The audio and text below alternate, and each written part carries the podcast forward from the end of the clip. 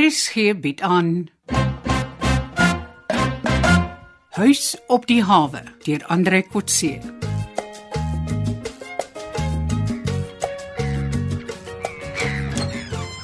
Goeiemôre Anton.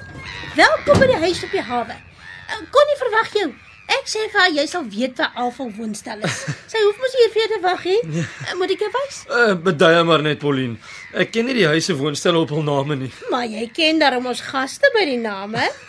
Ek kon nie glo te kon nie my vertel sy het jou nog nooit ontmoet nie. Maar ek kan nie onthou dat ek haar ooit hier rond gesien het nie. Ons ligvaardin. Ons sy's nou wel in en uit, maar sy het haar eie woonstel en sy is een van ons mooistes. Ooh. Uh-huh. Ja, oh, Alfas uit by die syde daar, die eerste rond daar wel op die regterkant. Nou onthou ek die lugwaardin. Ja, ek het al iemand in 'n uniform hier rond gesien, maar maar nog Ja, nooit ontmoet nie. Ag, maar jy's 'n ou treurige man wat jy eers 'n mooi ligwaardin kan onthou nie. Ek sien nie elke dag die gaste soos jy nie, Pauline. Nou maar toe. Moenie ons gaste laat wag nie.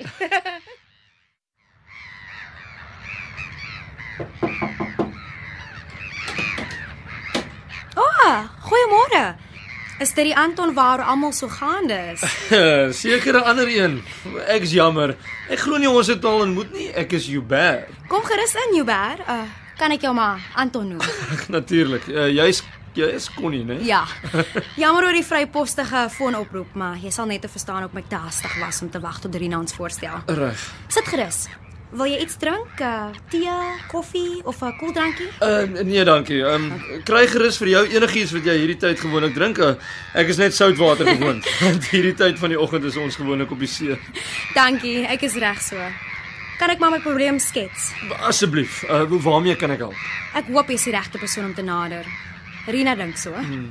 My probleem is dat ek al gaande agterkom dat ek dalk by 'n misdaad betrokke is. Uh, wel, ek, ek is nie eintlik 'n geregsdienaar nie, maar dalk is daar 'n rede waarom Rina dink ek jou kan help. Jy ken 'n man met die naam Boelie Prinsloo. Ja. Wel, hy het my genooi vir ete. Ons het al 'n paar maal uitgegaan. Ek was onder die indruk hy het romantiese intensies, maar dit het gou gebleik dat dit eerder sake-etes was. Ja, ja, nee, Boelie is 'n sakeman. En sy versoek aan my het als gedraai rondom hierdie gastehuis, die huis op die hawe. Wel, dis 'n oop geheim dat Boelie die huis by Tanya wil koop, maar maar gaan gerus voort. Wel, Boelie het my begin nader om vir hom inligting oor die huis te gee. Wat 'n soort inligting. Ag, dit was eers eenvoudige vragies oor die diens, die atmosfeer en moreel van personeel en gaste. Ja. Ek het gedink dis belangstelling in my. Dit was seker. Nee.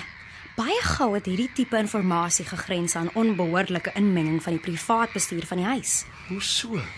Hy het begin insinueer dat die huis wanbestuur word en dat Tanya by korrupsie betrokke is. Wat? En dat jy en jou broer ook daarbey betrokke is. So waar. Ja, dat hulle gunstransaksies doen.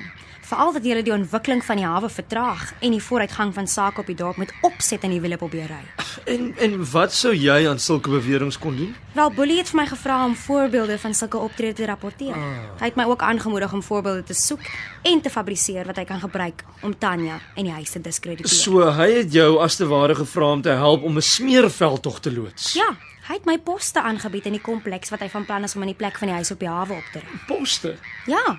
Ek sal die hoofuitvoerende beampte word van die nuwe waterfront kompleks wat vermaak vir die gemeenskap, toeriste en die publiek sal bied. Ek sê jou. En en, en Boelie is die persoon wat die aanstelling sal Ja, doen. einste.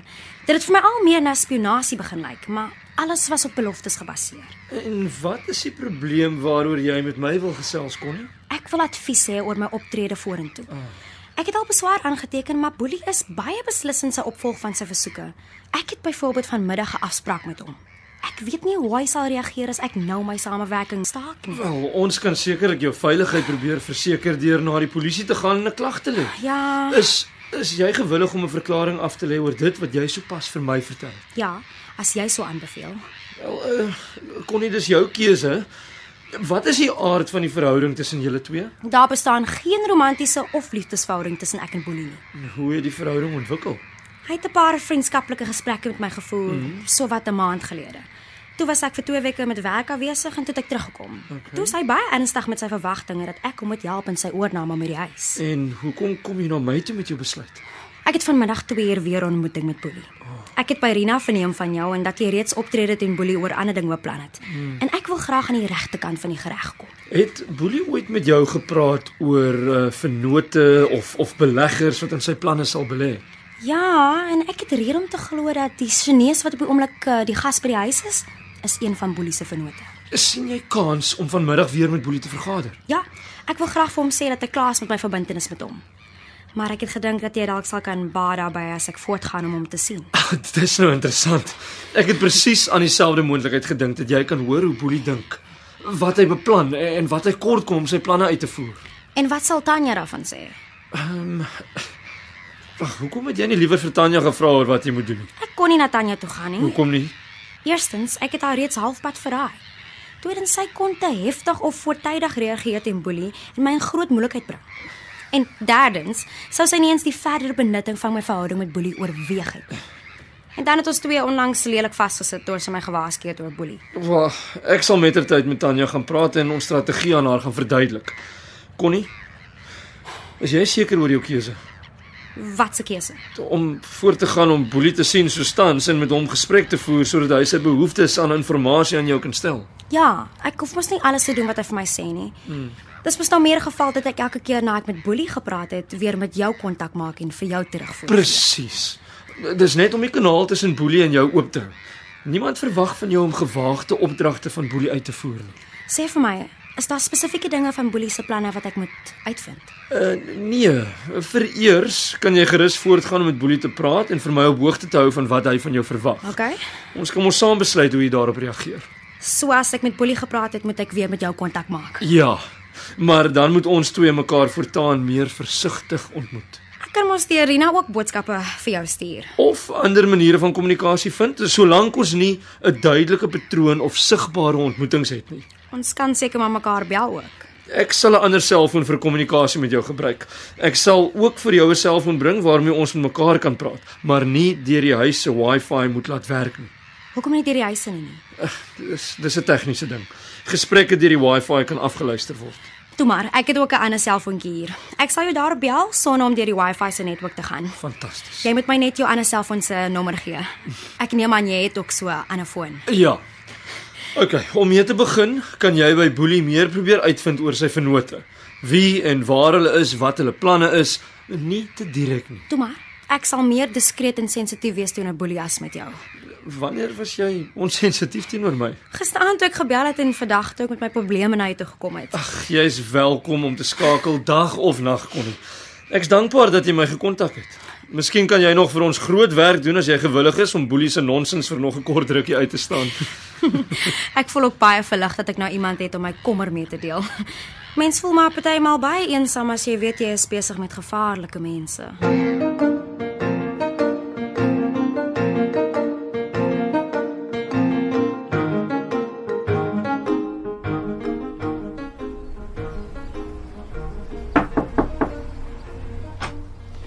Hallo Boelie. Hallo Connie. Welkom by my plek. Dis mos nou makliker. Ons hoef mos nie mekaar elke keer op 'n plaas of op die hawe in die wind te sien. En dis vir my net om die draai van die huis af. Ons kan daarom nog soms saans 'n spoggerige etetjie gaan geniet as jy lus is. Maar jy is welkom om gou hier in te loer as jy vir my nuus het. Kom ons sit sommer hier in my sitkamer. OK. Ek het daarom ook 'n mooi uitsig van hierbo af. Ek sien so. Ek hoef jou glad nie lank te plan nie. Daar's nie veel nuus van die huis af nie. Uh, praat Tanya nog nie van verkoop nie. Nee, ek sien haar nie elke dag nie. Sy's maar selde daar. En die res van die spul? Ag, die permanente gaste gaan maar hulle gang. Daar's daar 'n nuwe interessante gas waaraan jy dalk sal belangstel. Wie sê? Dis hy, klein Chinees met 'n paar kameras. Die ander dink hy's 'n fotograaf van beroep, maar ons vlugpersoneel ken al die Chinese toeriste. Hulle vrek oor kameras. Wat maak hy? Hy neem foto's van amper alles in die huis, die eetkamer, ontvangs en o, hy het sy eie uitkykpos bo op die balkonstoep van die huis. Niemand weet wat hy daar fotografeer nie. Wat bedoel jy sê eie uitkykpos? Hy was blykbaar nie tevrede met die foto's wat hy vanuit sy kamer oor die see kon neem nie. Toe vra hy vir Tanya sy eie plek bo op die stoep se balkon. Sy het vir hom toe 'n uh, houtafskorting gebou waar sy kamera op 'n driepoot permanent kan staan en veilig kan wees. Ag, niemand sal sy kameras daar steel nie. Tanya sê sy gaan nie so baie waag nie. Dis duur kameras daai. O, oh, Sy ateljee kan sluit ook en hy het 'n sleutel. Praat hy met julle, met die gaste. Nee, jy's nie. O, behalwe met Carolus. Wie's Carolus? Jy weet wie's Carolus man. Dis die man wat jy gedreig het en uitgedaag het tot 'n boksgeveg. Ek word sommer weer van vooraf vies as ek oor hom praat. Ag, daai ou man. Vergeet van hom. Hy is sommer 'n ou takker wat uit sy plek uitvoel hier by die see. In elk geval, dit lyk asof hulle groot vriende is.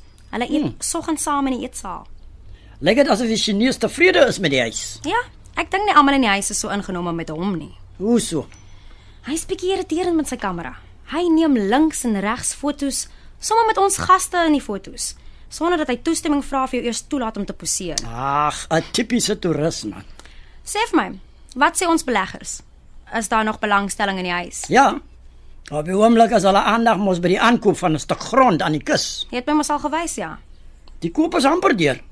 Maar hulle gee my vreeslik gas oor planne om die perlemoenteelplaas daarop te sit. Wel, dis mos 'n argitek se werk daardie. Ja, en alle argitekte praat van impakstudies en ingenieurs. Ja. Dit is 'n projek wat jare sal neem. Maar die Chinese kan dit nie verstaan nie. Ek raai voordat daai voorskrifte nie gedoen is nie, sal 'n argitek nie wil begin teken nie. Nie eens rowwe sketsplanne nie. En dis blykbaar al wat die Chinese wil hê om die geld los te kry. Presies. Hulle moet ook seker 'n besigheidsplan by een of ander bank of geldbaas indien. En hy sketsplan is die sleutel. En hulle verpes jou nou oor die sketsplan. Presies. Het Jy het nie laas gesê Tanya se niggie kan jou help met so 'n plan nie? Nee, dit lyk my Tanya en haar niggie het hulle nou vir my gewip oor een of ander rede. Rina en die niggie antwoord nie haar selfoon as ek bel nie. Goed dan. Ek sal kyk wat ek met Rina kan uitrig. Ai, Jana. Ah, Ons het nog nie eens iets gedrink nie, man. Wat van 'n glasie wyn? Nee, nee, nee, Wat nee. is nee. mos jou kleur, né? Die kleur is reg, maar die tyd is verkeerd. 2 smiddags nie my tyd vir wyn nie. Dankie. Val nie op 'n koel winderige dag soos vandag nie. Ons sien weer later, Boelie. Ja, goed kon nie. Kyk of jy nie Rina omgepraat kan kry om vir ons 'n sketsplan van die perlemoenteelplaas aan die kus in die hande te kry nie. Ek sal kyk. Maar sy en Tanya is nie my grootste vriendinne op die oomblik nie. En kyk of jy daai ou boyfriend van jou kan weghou by die Chinese. Hoekom? Ag, toeriste maak mos maklik praatjies met sulke nuuskierige ouens. En net ou krap op Carolus in die Chinese sake en dan vestig Mr. Cheng onnodige aandag op die huis. Nou wat kan ek daaraan doen? Jy het mos jou maniere. Dalk moet jy net meer belangstel in Mr. Cheng as Carolus. Dan trek jy Mr. Cheng se aandag af en verbreek jy hulle vriendskap so 'n bietjie. Ai, Boelie. Jy het ook snaakse voorstelle. Ek sal kyk wat ek kan doen.